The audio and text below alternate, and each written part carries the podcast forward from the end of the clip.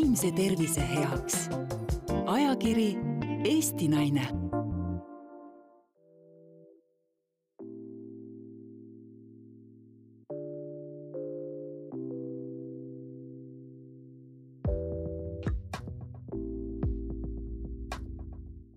tere tulemast kuulama peaasi.ee podcasti Pearaadio. Pearaadio podcastides räägime me vaimsest tervisest ja selle hoidmisest. minu nimi on Helen Adamson ja mina olen täna siis äh, külalissaatejuhi rollis. täna räägime me vaimse tervise esmaabist ja vestluse täpsemaks teemaks on, kuidas toetada lähedast, kellel on probleeme depressiooniga saatekülaliseks on psühhiaater, vaimse tervise koolitaja ja peaasi.ee meeskonna liige Ere Vasli tere, Ere! tere, Helen! Ere, mida tähendab vaimse tervise esmaabi sinu jaoks? ja ma teadsin, et sa küsid seda, sellepärast ma mõtlesin selle peale, et ma tean, et ma tean küll, mis on äh, vaimse tervise esmaabi ja millest me edaspidi ka räägime, nendest sammudest. aga kuna ma teadsin, et see küsimus on, mis see on minu jaoks, siis ma mõtlesin, et praegusel hetkel viimastel võib-olla nädalatel või kuudel on minu jaoks see kõige rohkem olnud selline äh, iseenda kui ka teiste puhul äh, selle olukorra tajumine või sihuke reaalsuse või noh, nagu öeldakse, tunnetega kontaktis olemine ja teiselt poolt äh, noh, nii enda kui ka teiste puhul ja samal ajal ka see, äh, selle tunde hoidmine, et asjad ähm, võivad minna paremaks ja asjad on lahendatavad, et minu jaoks praegu on kuidagi vaimse tervise esmaabi kõige rohkem tähendab jah, sellist ausust ja, ja lootusrikkust ja samal ajal muidugi see tähendab seda,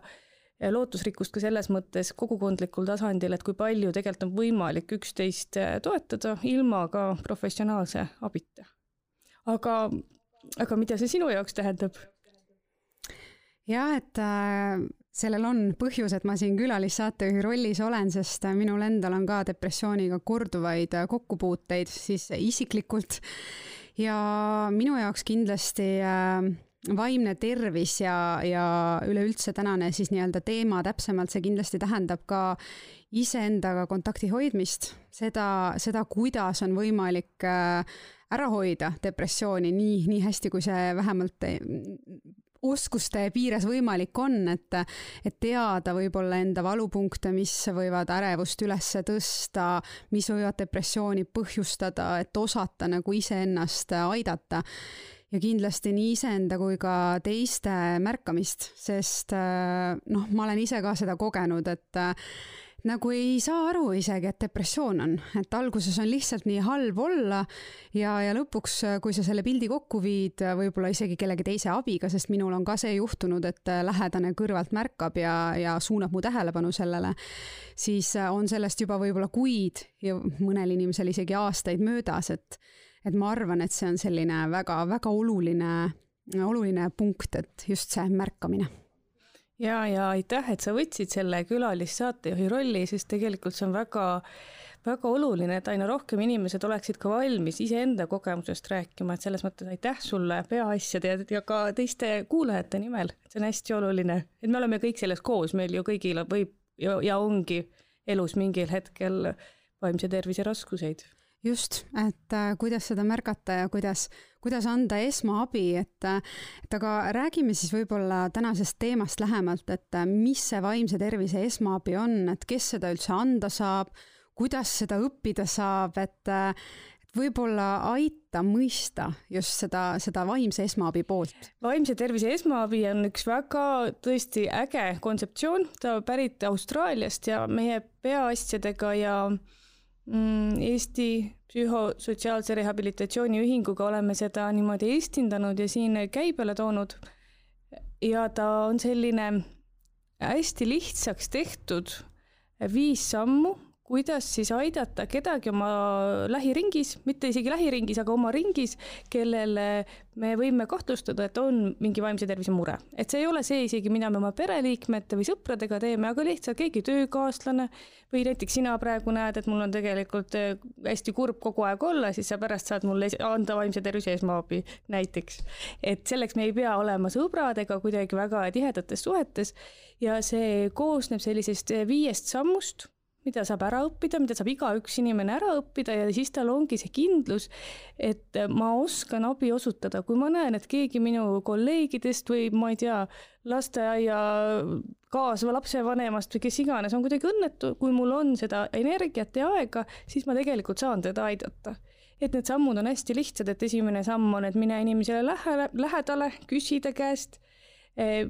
mis, kas tal on midagi rasket, on tal muret, teine samm on see, et ma kuulan teda, et see on üks selline kõige olulisem samm, et ma siis kuulan, mis see inimene mulle räägib ja ma kuulan hinnanguid andmata, huvi, ja toetusega, eks. ja siis eh, kolmas samm on see, et ma hoian samal ajal lootusrikkast positsiooni või mõt-, mõtteviisi, eks ju ja neljas samm on see, et ma soovitan talle professionaalset abi ja viies on see, et soovitan talle eneseabistrateegiaid. et sellised, selles mõttes, et see on selline no kehalise tervise esmaabile sarnane viis, kus on hästi kokku võetud konkreetseks need sammud ja kui neid samme läbi viia, siis see annab meile võimaluse olla teise inimesega kontaktis ja teda, teda ka vastavalt tema vajadustele võib-olla toetada või aidata ja see kõlab äh, tegelikult nii, et nagu nii-öelda tervise esmaabi me kõik kas autokoolis või mingil ajahetkel elus läbime, et, et vaimne tervis on midagi nii nähtamatut justkui inimeste jaoks, et tegelikult see võiks samamoodi olla selline kohustuslik või siis äh, noh, poolkohustuslik asi, mida, mida võiks iga inimene teada, et äh, nii enda kui lähedaste aitamiseks. Peaasjas meil on ka see eesmärk, et ja jõuda selleni, et Eestis on kümme tuhat inimest koolitunud selles vaimse tervise esmaabis, et kui me neid koolitusi teeme, siis need koolitused väga-väga meeldivad inimestele, sest need sammud on nii lihtsad ja loogilised ja võtavad ära selle hirmu, et kui ma näen, et kellelgi on raske, mis ma siis teen, et muidu see väga ehmatab inimesi, et nagu sa ütled, et vaimse tervise probleemid on nähtamatud, on kuidagi raske neid mõista ja see tekitab hästi palju seda segadust või noh, tõesti hirmutunnet, et ma ei oska ju midagi teha, mis ma pean ütlema, et ma pean kuidagi ära lahendama. Aga see koolitus just õpetab seda, et kõige olulisem just see kontaktis olemine, et ega me tegelikult ju teiste inimeste muresid enamasti lahendada ei saagi, et me saame nagu koos olla selles mures või nagu vaadata seda olukorda ja võib-olla sealt üht-teist leida, aga see koosolemine on selle vaimse tervise esmaabiga üks äh, võti jah, et mina olen nagu tähele pannud seda, et äh, väga keeruline on inimesel, kes äh, ise depressiooni põdenud ei ole, mõista, mida see tegelikult äh, tähendab, sest noh, depressiooni puhul on tegemist ikkagi aju keemiliste reaktsioonidega, et, et sa tõesti ei saagi midagi teha, et sa tunned, et ongi must pilv ja see on väga-väga keeruline sellest aru saada. et võib-olla nende inimeste jaoks natukene näitlikustada seda probleemi, et kui suur depressiooni probleem tegelikult praegusel hetkel meil meil nii Eestis kui maailmas on?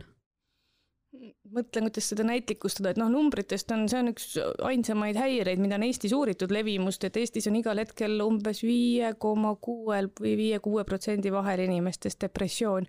depressioon on selline üldnimetus, eks ju, sellisele mm, vaimse tervise seisundile või haigusele, kus on meeleolulangus energiapuudus, huvi ja rõõmu kadumine on nagu põhisümptomid ja siis on veel lisasümptomid. et see on selline üldkirjeldus, aga tegelikkuses eks depressiooni võib väga erinevat olla. et on kerge depressioon ja siis on depressioon psühhootiliste sümptomitega, et see, see vahemik on väga-väga suur et, et tegemist on raske ja väga-väga levinud haigusega ja ka, mis on muidugi probleem, noh, ka mureks on see, et ka sageli kordub see haigus neil inimestel, kellel juba depressioon on. hea uudis on see, et seda saab ravida ja ravivõimalusi on erinevaid. muidugi jällegi keeruliseks teeb seda see, et seda ravini on keeruline inimesel jõuda, sest depressioon juba ise tekitab sellist lootusetust ja häbitunnet ja ja palju, palju ebameeldivusi, et sellist seda tunnet, et nüüd mul on haigus ja ma lähen ravin seda, et seda nagu depressiooni korral ei pruugi inimesel olla sellisena. millegipärast on jah, kuidagi depressioon olnud Äh, võiks öelda selline tabuteema või midagi, mille pärast häbi tunda, et olen minagi kuulnud seda, et noh, et need on ainult nagu, ma ei tea, väljamõeldud haigused või siis inimene on hull, et noh, et kus sa, kuidas sa lähed psühhiaatri juurde, et see on ju midagi täiesti nagu sellist, noh, näitab, et sa, sa oled ikka täiesti sassis omadega. et sellepärast inimestel seda häbitunnet sellega on niivõrd palju, et aga, aga kui palju siis seda depressiooni diagnoosimata jääb? ja see levimus on Eestis viis kuni kuus protsenti ilmselt seda, kui palju täpselt on Eestis diagnoositud, ega seda arvu tegelikult ei olegi kuidagi kuigi lihtne välja võtta, aga arvatakse, et võib-olla umbes kolmandik on nagu jõudnud abini tegelikult ainult. et küll need inimesed selle uuringu järgi, mida doktor Kleinberg tegi, et seal on uuringus tuleb välja, et need inimesed, kellel on depressioon, Nad äh, kasutavad tervishoiuteenuseid tegelikult äh, väga palju rohkem kui terved inimesed, aga mitte psühhiaatrilise abi teenuseid, vaid rohkem erakorralise meditsiiniteenuseid. et selles mõttes, et siin on ka see koht, kus võiks, noh, äkki on võimalus rohkem märkamiseks. et ühesõnaga, äh, et see, et suur osa depressiooniga inimestest on ravita, seda võib kindlalt öelda. aga sa mainisid ka, et depressiooni kordumise risk pärast nii-öelda esimest episoodi on päris suur, et minul on ka depressiooni nüüd, vähemalt ma teadaolevalt siis tean, et mul on olnud vähemalt neli, neli korda. ja, ja eks äh, aja jooksul olen ka aru saanud nendest põhjustest, miks see tekib, aga, aga kui suur see risk nagu on nendel inimestel, et et noh, võiks ju loota, et kui ma nüüd ühe korra sellest välja olen tulnud ja, ja see must pilv minu elust on kadunud, et siis, siis ma enam sellega tegelema ei pea mina küll väga usun täiesti siiralt sellesse, et inimene ja, ja inimese aju on paindlik. aga uuringud näitavad jah, et, et ikkagi, kui on neli korda või noh, mitmeid kordi depressioon olnud, et siis on päris suur tõenäosus, et mingite halbade asjade kokkulangemisel see reaktsioon võib uuesti tulla. muidugi sellisel juhul, kui see on nii teada juba iseenda jaoks, siis on oluliselt kergem ennast hoida nii nende riskifaktorite osas kui ka selle osas, et varem abi saada või siis ka kasutada sellist toetavat teraapiat või toetavat mm, medikamentoosset ehk siis tablettravi, et neid võimalusi on palju, et aga jah, et see on jah, selline, mis ma arvan ka teeb depressiooni tunni, noh, kas tunnistamise või selle abi otsimise raskeks, et see mõte või teadmine, et tegelikult see ei, enamasti ei ole ühekordne asi, eks ju. et see nagu mingis mõttes ongi osa minust et eks see on selline raske asi, et igalühel on oma nagu need rasked kohad. Öeldakse, et depressioon on ka nii-öelda perekondlik geneetiline haigus, et see, seda võib ka pärida. aga mis need sellised põhjused veel on, et miks inimene siis depressioonini jõuda võib, et miks see haigus võib avalduda? et geneetika mängib küll suurt rolli depressiooni kujunemisel, aga kindlasti mitte üksinda, et geneetiline on eelsoodumus ja siis ähm, koos äh, sellise keskkondlike teguritega laialt öeldes, et väga palju uuringuid näitavad, et lapsepõlve erinevad keskkonnategurid on määrava tähtsusega ja kindlasti nagu erinevad äh, väärkohtlemised, traumaatilised äh, sündmused lapseeas on väga-väga suure ja raske mõjuga, et selle, seda on ka palju uuritud ja see on tegelikult üldine kõikidele vaimse tervise häiretele ja ka paljudele kehalise tervise häiretele. et mida rohkem on inimesel üles kasvades ähm, selliseid negat-, noh, nimet-, nimetatakse neid negatiivseteks lapseea sündmusteks, seda suurem on tõenäosus, et inimesel tekib erinevaid vaimse või kehalise tervise haiguseid. et see lapsepõlve osa on suur, aga, aga noh, taaskord, et et alati on võimalik teha palju, et ennast hoida ja oma neid praeguse hetke keskkonnategureid me saame ikkagi ka mõjutada, et need ka mõjutavad seda, et kuidas meil depressioon või mingi muu vaimse tervisehäire sel hetkel väljendub. et need on need asjad, mida me saame siis kõige rohkem ise mõjutada aga kui me nüüd äh, mõtleme kuulajate peale, kes meid praegu kuulavad ja kes võib-olla tunnevad ka, et neil võib olla selliseid nagu muremõtteid peas või raskust või tunnevad mõne oma lähedase ära, et, et äh, on kuidagi nagu väga nukraks muutunud ja väga-väga endasse tõmbunud ja ja käitub teistmoodi, et äh, mis sina võib-olla välja tooksid, et mis need kõige peamised depressiooni tunnused on, et kuidas, äh, kuidas seda siis nii-öelda diagnoosida, et jah, see on depressioon või, või see võib olla siis depressioon? ma arvan, et üks sa nii kenasti tegid selle paranduse, et võib olla depressioon, et ega me ei peagi diagnoosima oma lähedasi, et me ei peagi nagu otsustama, mis neil on. Et kui me näeme, et meie lähedasel on ikkagi nädalaid kestnud, no näiteks kaks nädalat kestnud meeleolu langus, ta on teistsugune kui enne, ta on väsinud, ta ei tule voodist välja või ta ei tee asju, mida ta enne tegi, ta ei tunne rõõmu näiteks väga hea küsimus, mida mina oma töös kasutan, on see, et mis, mis asjad sulle viimasel nädalal rõõmu tegid. Et kui inimene ütleb, et tal ei tulegi ühtegi asja meelde, mis talle viimasel nädalal rõõmu tegid, et siis tegelikult see ei ole päris tavapärane. enamasti ikkagi inimes-, inimestel on asju, mis tegid rõõmu või ka ei ole huvi. et selline energialangus, meeleolulangus, huvi ja rõõmu puudumine on sellised esmased või põhilised sümptomid ja ega neid saab oma lähedase puhul ka ikkagi teada kõige rohkem siis, kui küsida. et äh, kuidas sul läheb ja, ja siis saab ka täpsemalt küsida kõiki neid asju minu arust äh, üks selline väga hea indikaator, et mis on mind aidanud, on äh, peaasi.ee lehel on ka selline emotsionaalse enesetunde test. et teinekord võib olla väga raske kas kõrvalt vaadata või ennast hinnata, et seal on tegelikult ka need nii-öelda siis äh, välja toodud küsimused, et, et mis, mida sa tunned, kuidas, kuidas sa ennast viimasel ajal oled tundnud ja see näitab ka päris täpselt ära, et kui, kui suur see depressiooni risk siis äh, hetkel on mm. -hmm. ja hästi hea on just õppida enda puhul ka tundma seda, et mis on minu reageerimisviisid, et, et kust ma kõige rohkem ka, et noh, mis annab järele, kui on stressi liiga palju, et ongi, et mõni, mõne inimesel tekib depressioon ja mõnel tekib rohkem ärevushäire näiteks, et see on hästi palju niisugune enda tundma õppimise ja kõik kogu niisuguse vaimse tervise teadlikkuse tõstmise küsimus aga äh, kuidas äh, depressiooni äh, ravida, et selles mõttes, et inimestele nagu anda seda lootust, et sa mainisid ka, et, et depressioon on ravitav. et kuidas selleni ravini siis üldse jõuda, et kui inimene on jõudnud siis võib-olla diagnoosini, et kuidas sealt edasi minna? et depressiooni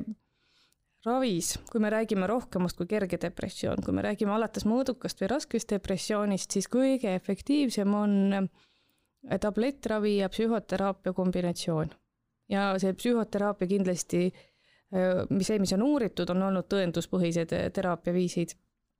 et see kombinatsioon on kõige tõhusam ja selle puhul siis sümptomid hakkavad taanduma, võivad hakata taanduma umbes kahe nädala jooksul. et hakkab see rõõm tulema tagasi, energia ja ma küll nii uuringutele kui ka praktikale toetudes võib tõesti öelda, et need ravid aitavad, et selles mõttes see ei ole mingisugune väike osa, kelle, kes saavad abi sellest, ikkagi suur enamus saavad abi. ja kui on tegemist sellist, mida me nimetame raviresistentseks depressiooniks, et tegelikult ega siis ka arstid ei, kuidagi ei löö käega või ei tõsta käsi üles, et siis lihtsalt otsitakse uusi ravivõimalusi, et neid on ju on ka selliseid ravivõimalusi, mida just siis saab kasutada, näiteks äh, elekterkrampravi, mis on muidugi väga stigmatiseeritud ja inimesed kardavad seda, aga tegelikkuses ta on väga efektiivne depressiooni ja ka paljude teiste psüühikahäirete ravis. et need on need äh, põhiviisid, psühhoteraapia, äh, ravimid, mida on tänaseks nagu erinevaid gruppe, mis mõjutavad erinevalt siis aju, seal nende närvirakkude vahelisi ühendusi ja neid seal keemilisi aineid ja siis eh, noh, ja siis veel on ka erinevad siuksed elektrikrampravi, magnet, eh, transkraniaalne magnetstimulatsioon, sellised võib-olla harvem kasutatavad vahendid ja kindlasti selline elustiili küsimused et kõik siuksed spordinõuanded, lõõgastumine, magamine, alkoholist ja narkootikumidest hoidumine, et kõik sellised asjad on ka väga-väga olulised. just spordi puhul ma just täna lugesin äh, soovitusi, et see ei ole ka soovitus, ei ole ka nii, et tehke lihtsalt sporti, vaid seal on ikka soovitus on nelikümmend viis kuni kuuskümmend minutit aeroobsed treeningud kolm korda nädalas, et see on see, mis toob selle muutuse, aga see muutus on täiesti aju tasandil, näiteks spordi puhul, et ta depressioonile on väga äh, noh, ka aitab kaasa, ütleme nii ja erinevad elustiili küsimused, samuti tõesti ka see, et kuidas, millised on mu suhted kodus, äh, minu lähe-, lähisuhted on väga-väga-väga suure mõjuga, et et mina küll alati innustan erinevaid pere- ja baariteraapia vorme, et need suhted oleksid siis sellised, mis hoiavad igapäevaelu, mitte ei, mitte ei lõhu. No minnes nagu selle nii-öelda teraapia juurde, siis hästi paljudel inimestel on väga suur hirm terapeutide ja arstide juurde minekul, et selles mõttes, et minu poole pöördutakse ka väga palju erinevates vaimse tervise küsimustes, sest ma olen lihtsalt nii avalikult enda probleemidest rääkinud, et siis inimesed lihtsalt tunnevad nagu turvaliselt minu käest küsides. ja tihtipeale ma kuulen seda, et, et äh, ei julgeta või taheta minna või siis on käidud, on pettutud. et mina olen selline kahe käega teraapia poolt ja vägagi teraapia pooldaja, et, et kuidas sa võib-olla julgustaksid inimesi seda abi, abi leidma ja, ja minema, et seda esimest sammu ma kõigepealt vist julgustaks sellega, et ma tunnistaks, et tunnistan seda, et see ongi raske. et ongi raske minna, ma vahel mõtlen ka, kui ma töötan psühhiaatrina, siis tulevad mingid noortega töötan põhiliselt, tulevad seitsmeteistaastased, siis nad istuvad maha, teeme väikse sissejuhatuse ja siis, aga nüüd hakkame rääkima sellest, mis on halvasti. et ega see on noh, keeruline koht, kus olla, et ma saan täiesti aru, miks pigem nagu katsuks vältida seda et ja teraapiat samamoodi, et ega teraapia ei ole alati ju hästi mõnus ja ei tekita head tunnet, et see on ikkagi see koht, kus tulebki rasketest asjadest rääkida, et läheks paremaks. aga mina, kuidas mina motiveerin ja ise mõtlen sellest, on, et ette kujutada seda, kuidas mu elu on siis, kui need probleemid on kergemad. et tuletada meelde, milline elu oli näiteks enne depressiooni, milline mina olin enne depressiooni. mis võib olla väga raske samas, aga võimalik mm. -hmm just, ja võib-olla siis ka aidata nagu neid, neid mõtteid tuua, et et milline ma siis olingi, et ma käisin kuskil ringi, ma tegin rõõmsaid, rõõmupakkuvaid tegevusi, mul oli huvi, et, et ma arvan, et see on üks motiveerimise võimalus, et ikkagi aidatagi ette kujutada, et mis see, mis mille pärast ma teen seda.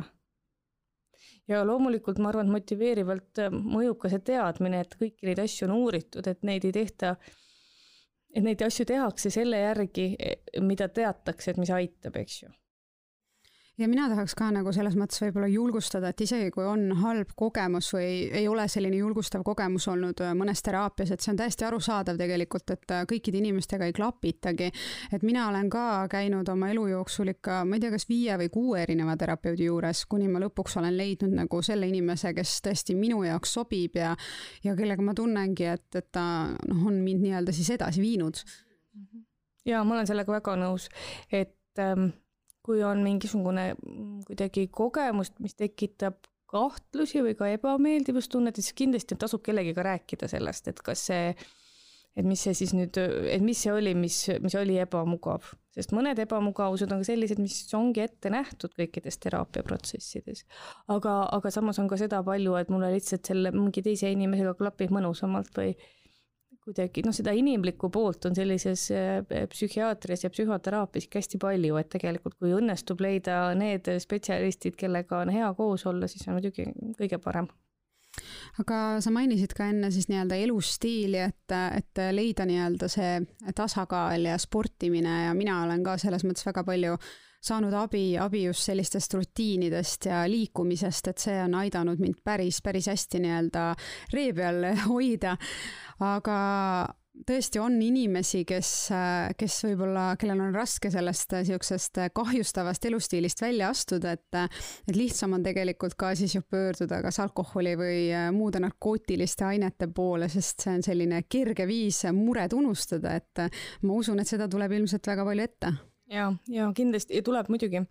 aga sel juhul ongi ikkagi esimene samm on nendest ainetest loobumine sest et need tekitavad omaette juba sõltuvusprobleemi, mis on juba depressioonist eraldiseisev äh, nagu haigus. et, et seda õnneks perearstid saavad nõu anda, kuhu, kuhu pöörduda ja millist abi saada just nende sõltuvusprobleemide või kuritarvitamisprobleemide korral kuidas seda nagu hinnata, et kui, äh, kui inimene tarvitab siis nagu alkoholi, et on, on üldse võimalik siis depressioonist paranemine või, või sisuliselt tegelikult see nagu teeb selle üsna üsna keeruliseks, kui mitte võimatuks? üldiselt öeldakse, et alkohol mõjub äh, depressiooni soodustavalt ja et äh, alkoholist peaks ikkagi loobuma, kui tahta päriselt depressioonist paraneda või vähemalt peaks seda väga-väga ettevaatlikult tarvitama et mina olen sellega kokku puutunud, et äh, inimesed nagu räägivad ja kirjutavad näiteks, et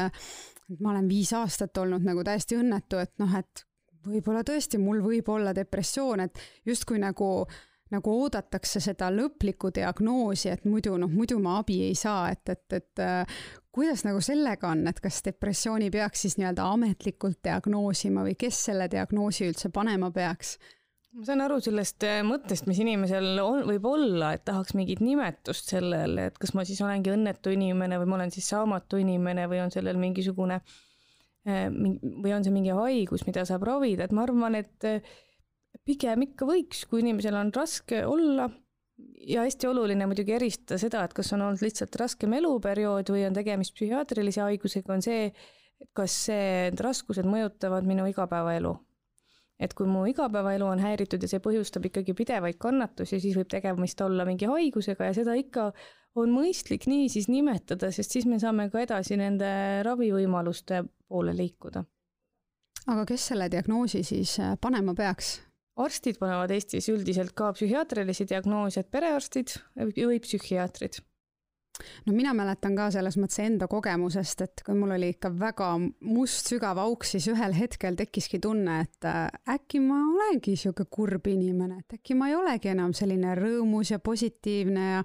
elujõust pakatav, et, et noh, äkki, äkki ma siis nagu muutusin, et aga tegelikult noh, inimesed ei muutu nii drastiliselt, et see on ikkagi see selline suur must koer, depressiooni nimeline, mis, mis inimestega selliseid muutusi äh, no nii-öelda kaasa tuua siis võib, et. just, ja ka kui mõelda seda, et depressioon on ka riskiteguriks äh, suitsiidile, et siis seda enam on seda oluline ikkagi nimetada ja sekkuda ja ravida, et see ei läheks aina edasi ja edasi, et selles mõttes, et depressioon mõjutab seda, kuidas me tunneme ja mõtleme ju otseselt ja kui tekib juba see tunne, et ma olengi nagu teistsugune ma ei saagi hakkama ja ja mul ongi nagu häbi enda pärast, et siis on ka päris juba lähedal see mõte, et ma olen ka natukene väärtusetu või, või palju väärtusetu ja et võib-olla teistel on isegi kergem ilma minuta, et et selles mõttes on see depressiooni märkamine hästi oluline kui äh, suur on äh, suitsiidirisk siis depressiooniga, depressiooni põdevatel inimestel, sest mina mäletan ka ikka nendest rasketest hetkedest, kus ma ei tahtnud teha suitsiidi, aga ma ei tahtnud elada, et elu oli lihtsalt niivõrd ebameeldiv ja kõik oli nii raske, et äh, lihtsalt oligi niisugune tunne, et, et noh, milleks mm. -hmm. ja just, et depressioon tekitab ka seda tunnet, et ega teistel on ka kergem, kui mind ei ole, et see on midagi, mis on inimestel raske mõista et eriti kui noh, või ka kui inimesel on, ma ei tea, pere või lapsed või mingid no, muud niisugused vastutused, eks ju, et siis kuidas sa saad mõelda selle peale, et, et sul on ju noh, olemas need asjad, eks. aga, aga see on ka see, mis tekitab era, eriti veel juurde süütunnet, sest tegelikult see ongi see õudselt raske ja paha tunne, eh, mis eh, põhjustab neid suitsiidi või elutüdimusmõtteid ja siinkohal, et seda mõista, tuleb hästi meeles hoida, et depressioon ei ole lihtsalt kurbus, et see on ikkagi aju töötabki teistmoodi. aga sinu küsimuse juurde tagasi tulles, et mis see risk täpselt on, et ma numbrit ei oska öelda, et eriti ka selle tõttu, et depressiooni on nii erinevat, et ütleme, kui me räägime raskest depressioonist, eh, siis see risk on olemas ja, ja täiesti väljendunud. aga ma numbrit ei oska sulle öelda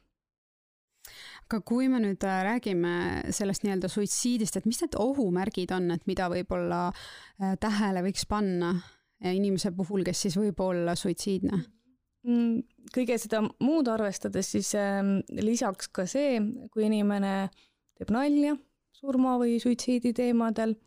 ütleb möödaminnes midagi, kirjutab mingeid postitusi kuhugi, mis võib olla vaadeldav naljana, aga ei pruugi olla. ka see, kui inimene avaldab sellist äh, lootusetuse tunnet, et midagi nagunii ei lähe paremaks, et need on need sellised äh, kohad me võiksime kahtlustada ja siis on muidugi see, et siis tuleb küsida, et ega teistmoodi ka ei saagi teada, et see on hästi oluline teadmine ka, et suitsiidi mõtete kohta tohib küsida ja pea, soovitatakse küsida või et peab küsima, sest et see on ikkagi kohutavalt raske tunne, millega olla. ja kui keegi mu käest ei küsi selle kohta, siis ma olen üksi sellega. kui keegi minu käest küsib selle kohta, siis ma saan ikkagi jagada natukenegi seda väga, väga rasket tunnet et äh, suitsiidi kohta jah, tuleb küsida. Suitsiidmõtete, suitsiidkavatsuse, suitsiidplaani kohta, aga tuleb muidugi arvestada seda, et selleks on vaja aega, on vaja energiat ja on vaja ka teadmist, mis ma siis teen, kui inimesel üt-, kui inimene ütlebki, et jaa, mul on kohe noh, selline koheselt endale ohtlik suitsiidplaan, et siis on, siis tuleb kiirabi kutsuda või, või, või pöörduda valvetuppa psühhiaatrikliinikusse, kui see tegemist on sellise inimesele ohtliku olukorraga ja et, et selline suitsiidiriski puhul ei, ei kehti see, et ma nüüd hoian eemale ja kuidagi, kuidagi ei tegele selle probleemiga, et, et inimestel noh, tihtipeale ikkagi on võib-olla ebamugav rääkida nendest valusatest teemadest ja rasketest teemadest, et, et kui tundub, et noh, mis ma siis lähen nagu teda torkima, et, et no küll ta saab hakkama, et aga, aga tegelikult nagu tahaks väga-väga julgustada inimesi, et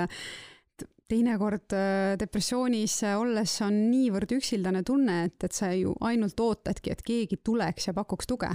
just, kui me teeme neid vaimse tervise esmaabikoolitusi ka, siis seal on ka üks harjutus, kus tulebki küsida enesetapumõtete kohta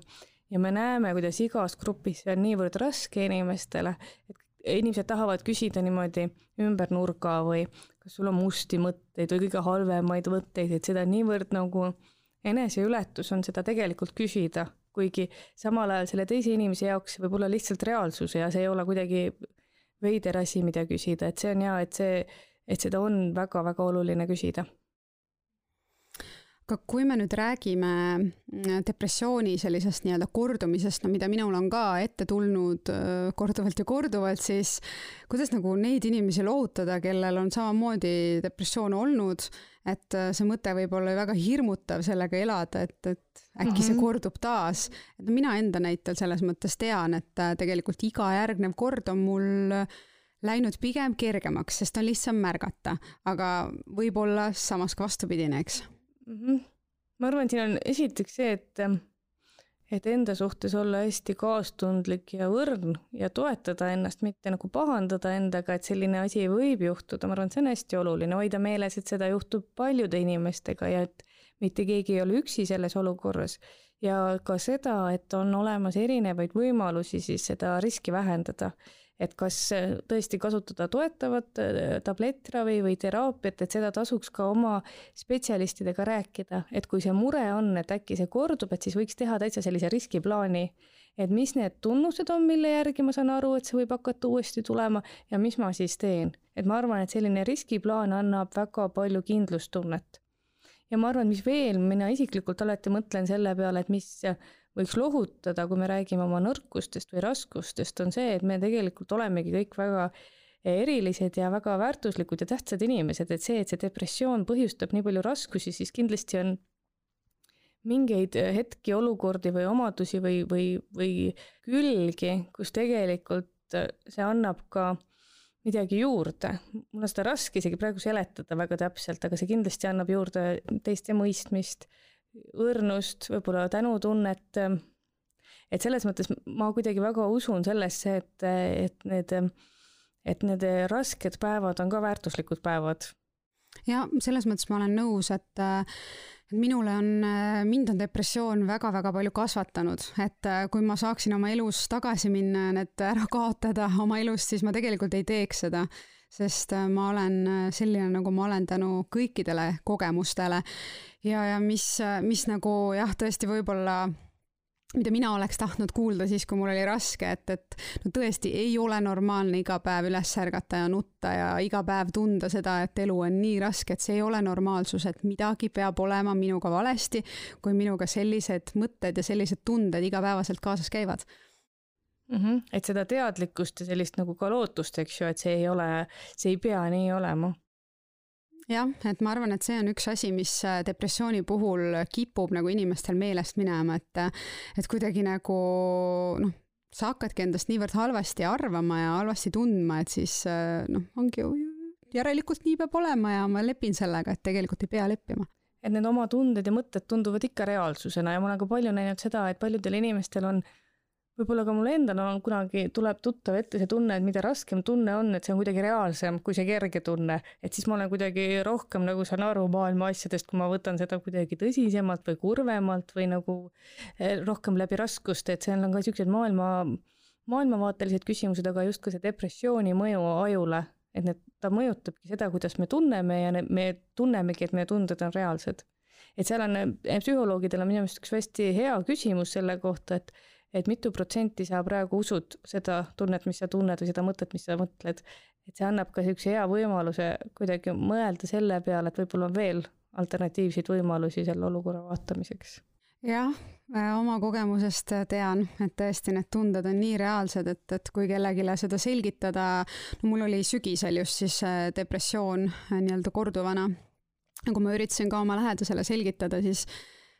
ma, ma ütlesin ka, et ma saan aru, et mul on ajus praegu äh, ajukeemia paigast ära, aga see kõik, mida ma tunnen, see ongi päris ja ma näengi maailma nii ja ma lihtsalt ei saa, ei saa teistmoodi nagu, ei, ei saa näha seda, seda, mida ma ei tunne. ja et äh, ise ju tahaks ka seda teistmoodi näha. ise tahaks ka, et see ei ole, et see oleks nagu äh, rõõmsam ja, ja, ja ilma depressioonita, et, et see on, on raske, jah aga mida võib-olla äh,, kuidas aidata neid inimesi, kui äh,, kui märgatakse oma lähedase puhul või kahtlustatakse depressiooni, aga lähedased eitavad, sest mina olen sellises olukorras kunagi olnud, kus ma tõesti kahtlustasin depressiooni, mitte siis endal, vaid teisel inimesel ja ja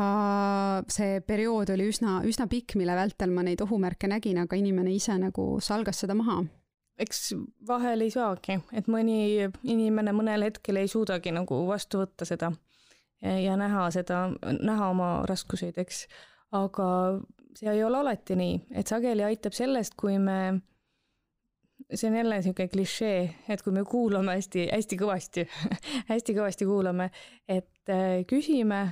ja kuulame, mis see inimene ise näeb, mis tal on raskuseks ja läheme sealt nagu edasi. Et meie võime näha asja ühtemoodi, aga, aga see, kuidas inimene ise oma olukorda näeb, et see on see, ähm, mis on kõige olulisem sel hetkel, kui me tahame teda aidata ja millest me saame ka edasi liikuda jah, tihtipeale paljudel on see komme ka mul endal, et jubedasti tahaks teisi aidata ja teiste eest otsuseid teha, aga me ei saa seda. Just, et see on see ka, mis on vaimse tervise esmaabi koolitustel me näeme ja mida igaüks, ma arvan, ka iseenda puhul näeb, et kui kellelgi on raske, siis tahaks kohe nõu anda ja öelda, mida peab teistmoodi tegema, aga, aga tegelikult see ei aita. sest neid nõuandeid me teame kõik, et aitab ikkagi see, kui meil on seda energiat ja aega, et kuulata ja kuidagi kaasa mõelda võib-olla kuulamine on selles mõttes üsna, üsna keeruline, sest tõesti tahaks hakata ütlema midagi vahele, aga teinekord ongi see kõige suurem kingitus, mida teisele teha, et sa lihtsalt kuulad ja mõistad ja rohkem ei olegi vaja. ja olete ka koos selles mõttes vaimselt. see tõesti on väga raske, ma arvan, kõikidel inimestel, et kuidagi, sest see kuulamine ju ka tähendab seda, et ma olen kontaktis iseenda selle raske tundega nii palju, kui ma olen seda tundnud, ma kuidagi tuletan meelde, mis see on. et ma pean ka ise nagu enda sees minema natukene võib-olla raskemasse kohta, et, et see on, et see on ka see, et kui me tahame teisi aidata ja päriselt neid kuulata, siis me peame õudselt ka ennast hoidma, et meil oleks seda energiat, et seda teha ja, ja teinekord sellised äh, siiralt heasoovlikkusest öeldud nõuanded võivad mõjuda täiesti vastupidiselt, et minu jaoks nagu võib-olla kõige hullem asi, mida depressiooni puhul öelda, on see, et ah oh,, kuule, saa üle, noh, ei ole üldse ju nii hull ja ära ole kurb, on ju, et noh, sellega ei ole mitte midagi peale hakata, sest sa ei saa seda sõrmenipsust ära kaotada, seda tunnet, mis sul on absoluutselt ja see isegi natuke tekitab niisuguse tunde, et oota, et ma nüüd ei teadnud, et ma, et ma võin rõõmus olla või et noh, et kuidagi see, et see infovahetus on kuidagi nii kohatu, et tekitab hoopis mingeid teisi mõtteid. jah, et, et seda muret ei saa, inimese muret ei saa pisendada, et kui keegi, kui keegi tunneb ennast kehvasti, siis äh, seda tuleb aktsepteerida. just, just, seda tuleb aktsepteerida ja igaühe enda psüühilist tõde paratamatult me oleme praegu kõik sellest äh, kriisist puudutatud, et äh, kes on kaotanud töö, kellel on nagu tekkinud selles suhtes äh, probleeme ja elukorraldus on täiesti sassis. et seal on ka erinevaid selliseid probleeme, mis, mis inimesel igapäevaelus ootamatult võivad juhtuda, mõni lähedase kaotus või, või samamoodi võib lõppeda oluline suhe lähedase inimesega, et, et kuidas sina võib-olla siis näeksid, et selliste äh, juhuste puhul äh, vaimse tervise esmaabi võiks, võiks aidata, et kuidas, kuidas seda teha mm? -hmm. ma praegu kujutan ette, et kui näiteks on keegi minu võib-olla töökaaslane, kelle puhul ma tean, et tal on midagi rasket juhtunud või ka ei ole juhtunud, sest depressioon võib ju alata nii mingist raskest sündmusest kui ka ilma selleta, et selles mõttes see isegi ei ole määrav. aga kui ma näen, et keegi kolleeg on kuidagi muutunud vaiksem võib-olla või kuidagi teistsuguses meeleolus kui varem, et siis see vaimse tervise esmaabi esimene samm on see, et ma lähen tema juurde ja küsin, kuidas tal läheb. võib-olla on mingeid kaalamaid küsimusi, kuidas seda küsida, võib-olla on mingit vestlust, millest seda edasi küsida, et me eile rääkisime ja mulle tundus, et et sul on äh, väga paha tuju või väga raske olla, et võib-olla nii on hea, või ka kirjeldada, mida ma olen märganud, et ma olen märganud, et sul on raske. et äh, varem sa olid kuidagi rõõmsam, et nüüd kuidagi mulje on teine, et seda, see on hea algus ka. et ma kirjeldan seda, mida mina olen näinud ja küsin, et, äh, et kuidas sul läheb. tihtipeale inimesed tahavad vastata hästi ei taheta ju rääkida seda, mis, mis ma päriselt tunnen, et kuidas sellest nagu äh, plokist edasi minna, et, et sul ei teki, et noh, okei okay,, no ta, ta ütles, et tal läheb hästi, aga tegelikult sa saad ju aru, et midagi on nagu valesti.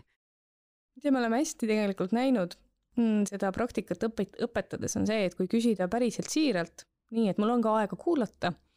ja kui inim-, et, et see juba aitab. Mhm, et mitte niimoodi mööda minnes, et. Ja, just, et ma võtangi aja ja enda nagu vaimse seisundi ja küsin selliselt seda. ja teine asi, kui inimene ütleb, ei, mul on kõik korras, siis võib öelda ka, et, et mulle üldse nii ei tundu, et sul on kõik korras, et ma olen mures su pärast. ja noh,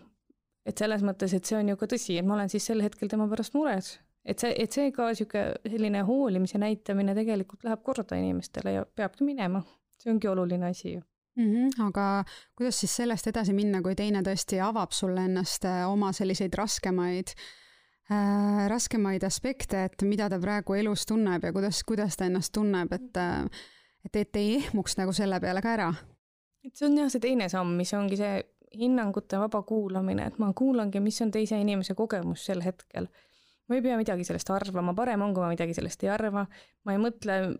et minul seda nii ei ole või et tal ei tohiks seda nii olla või et äh, ma oleksin tema, siis ma mõtleksin teistmoodi, et need mõtted tasub kõik proovida kõrvale panna. võib-olla need aeg-ajalt ikkagi tulevad, aga katsudagi kuulata lihtsalt, mis on teise inimese kogemus praegu. Äh, hea on veel, kui on sellist äh, oskust peegeldada talle tagasi seda, et ma kuulen, et sa oled äh, Äh, et, et sul on kurb aeg olnud, et sul rõõmutunnet praegu polegi olnud, et see paneb ka inimest äh, ennast rohkem, see paneb inimest ennast paremini tundma, kui ta saab aru, et temast saadakse aru ja üldiselt ikkagi sõnad on need, mille kaudu me saame seda ka edasi anda konkreetselt, et ma mõistan seda, mis sa räägid.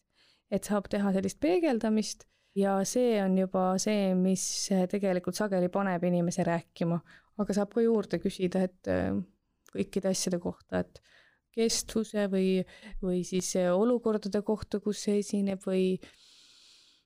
või selle kohta, mis on kõige raskem praegu, et vahel inimestel on hästi palju raskuseid, siis on hea küsida, mis on kõige raskem hetkel, et mis võiks nagu esimesena paremaks minna, et et selline kuulamine on see kõige pikem ja olulisem samm.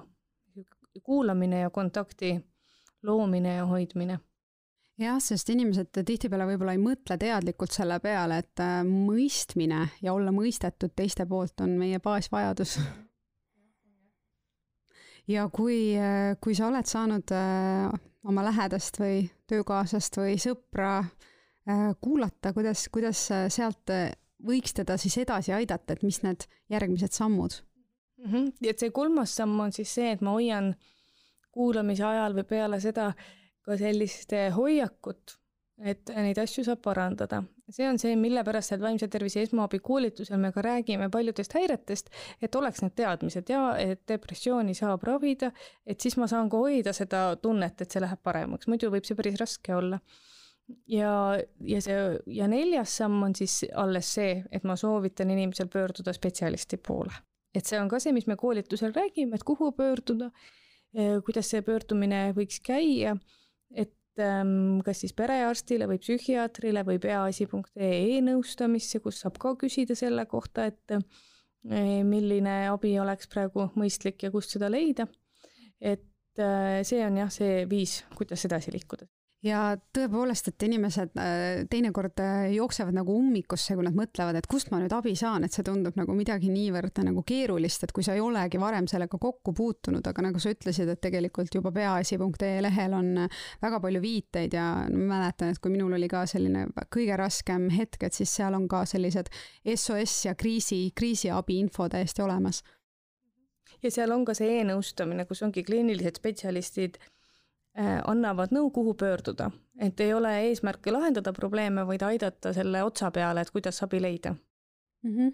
ja kui äh, lähedane on, on saanud võib-olla selle esimese siis äh, mõtte, et ta võiks minna abi kusagilt spetsialistilt küsima, et, et kas me saame teda veel kuidagi pärast seda toetada mm? -hmm. see ongi viies samm mis läheb kokku ka tegelikult kuuenda sammuga, mille me oleme ise sinna juurde mõelnud, viies samm on eneseabistrateegiate soovitamine siis sellele, kes otsib või kellele me pakume abi. ja kuues samm on nende eneseabistrateegiate äh, rakendamine iseendale. et see vaimse tervise esmaabi andmine kindlasti võtab energiat, et seda tuleb ka arvestada aga need enese, eneseabistrateegiad, mis me siis saame soovitada teisele, on see koht, kus me saame võib-olla oma elukogemust mõnevõrra jagada, et et äh, kas sa oled proovinud, ma ei tea, puhata rohkem või eh, või liikuda, minna loodusesse, et sellised, et see on see koht, kus neid soovitada. ja minu meelest on hea alati, kui soovitusi anda, ka küsida inimese käest, et kas sa tahad, et ma annan nõu, et see ka annab sellisele inimesele vähemalt võimaluse öelda, et et ma tean kõike, et ei ole vaja nõu anda. Ja see on siis viies samm, et me annamegi selliseid mõtteid, kuidas oma praegust hetke paremaks teha. Ja kuues samm on siis see, et ma ka peale selle vaimse tervise esmaabi andmist, mis võtab ju ka oma aja kindlasti ja võtab energiat, kui me oleme päriselt kontaktis kellegiga, kellel on raske, et siis me teeme midagi, mis meile endal seda energiat taastab ja mis iganes siis kellelgi on kas see on sportimine, jalutamine, lauamängud, midagi lihtsalt rõõmsa tegemist? teleka vaatamine, mis iganes et inimesed võivad neid ressursse leida täpselt nendest tegevustest, mis, mis neile meele järgi on. ja või ka siis see, et ma siis äh, räägin kellegi oma sõbraga võib-olla sellest enda tundest, et loomulikult me hoiame konfidentsiaalsust selle äh, vestluse sisu osas, aga noh, me saame oma tunnet jagada. Ja selle kohta veel ütlen, et konfidentsiaalsust me hoiame alati nende vestluste või soovitame hoida vestluste sisu osas, välja arvatud enesetapumõtted, et see on see koht, kus ei tasu konfidentsiaalsust hoida, vaid just tuleb võrgustikku äh, koondada. Me oleme niivõrd laiast teemast nüüd rääkinud ja niivõrd sellised olulised äh, osad nagu läbi käinud, et inimesed oskaksid märgata nii endal kui teistel, et mis sina võib-olla tänase kokkuvõtteks võiksid öelda, mis on need kõige sellised olulisemad sõnumid, mida sa tahaksid edasi anda? ma arvan, et kõige olulisem sõnum, mis mina tahaks edasi anda, on see, et isegi, et depressioon tekitab häbitunnet ja äh, saamatuse tunnet ja alaväärsustunnet, siis tegemist on ajuhaigusega, milles ei ole keegi süüdi. ei ole süüdi ise ja ei ole ka süüdi need, kes meile need geenid andsid või kes, kellega me, meil on võib-olla mingeid raskuseid olnud, et need on ikkagi haigused ja haigused käivad mööda inimesi. ja kui see süü ja häbitunne on juba väiksem, et, et siis ma arvan, et on abi leidmine ka lihtsam. just, et äh, tasub meeles pidada, et depressioon on haigus et isegi kui otseselt ei valuta midagi, kuigi depressiooniga võivad kehalised, füüsilised vaevused tulla, siis äh, ei saa seda ära unustada, et tegemist on äh, meie siis ajuhaigusega. just, tegemist on ajuhaigusega, mida õnneks saab ka ravida äh,. sa ütlesid väga ilusti, et, äh, et tõesti, et ei pea nagu tundma depressiooni tõttu häbi ja ja kus, kuhu sina siis suunaksid inimesed kõige esimese sammuna, kui nad tahavad äh, osata esmaabi anda ja kui nad tahavad äh, ka ennast aidata, kui on raskemad ajad? mina soovitan pöörduda küll peaasi.ee lehele ja seal on vaimse tervise esmaabi alaleht ja sealt saab täpsemat infot nii nende sammude kohta kui ka nende koolituste kohta, kus me siis neid samme täpsemalt õpetame ma väga tänan sind, Tere, et sa tulid minu külaliseks ja, ja aitasid seda keerulist teemat täna rohkem avada. ja aitäh sulle veel kord, et sa äh, seda vestlust läbi viisid ja nii avatult seda teed, aitäh! aitäh kõikidele Pea raadio podcasti kuulajatele. Äh, meie podcast'e saate te kuulata peaasi.ee lehelt, kus leiab ka kogu vajalikku lisainfot ja mida iganes depressiooni kohta vaja teada, lugeda on. aitäh teile!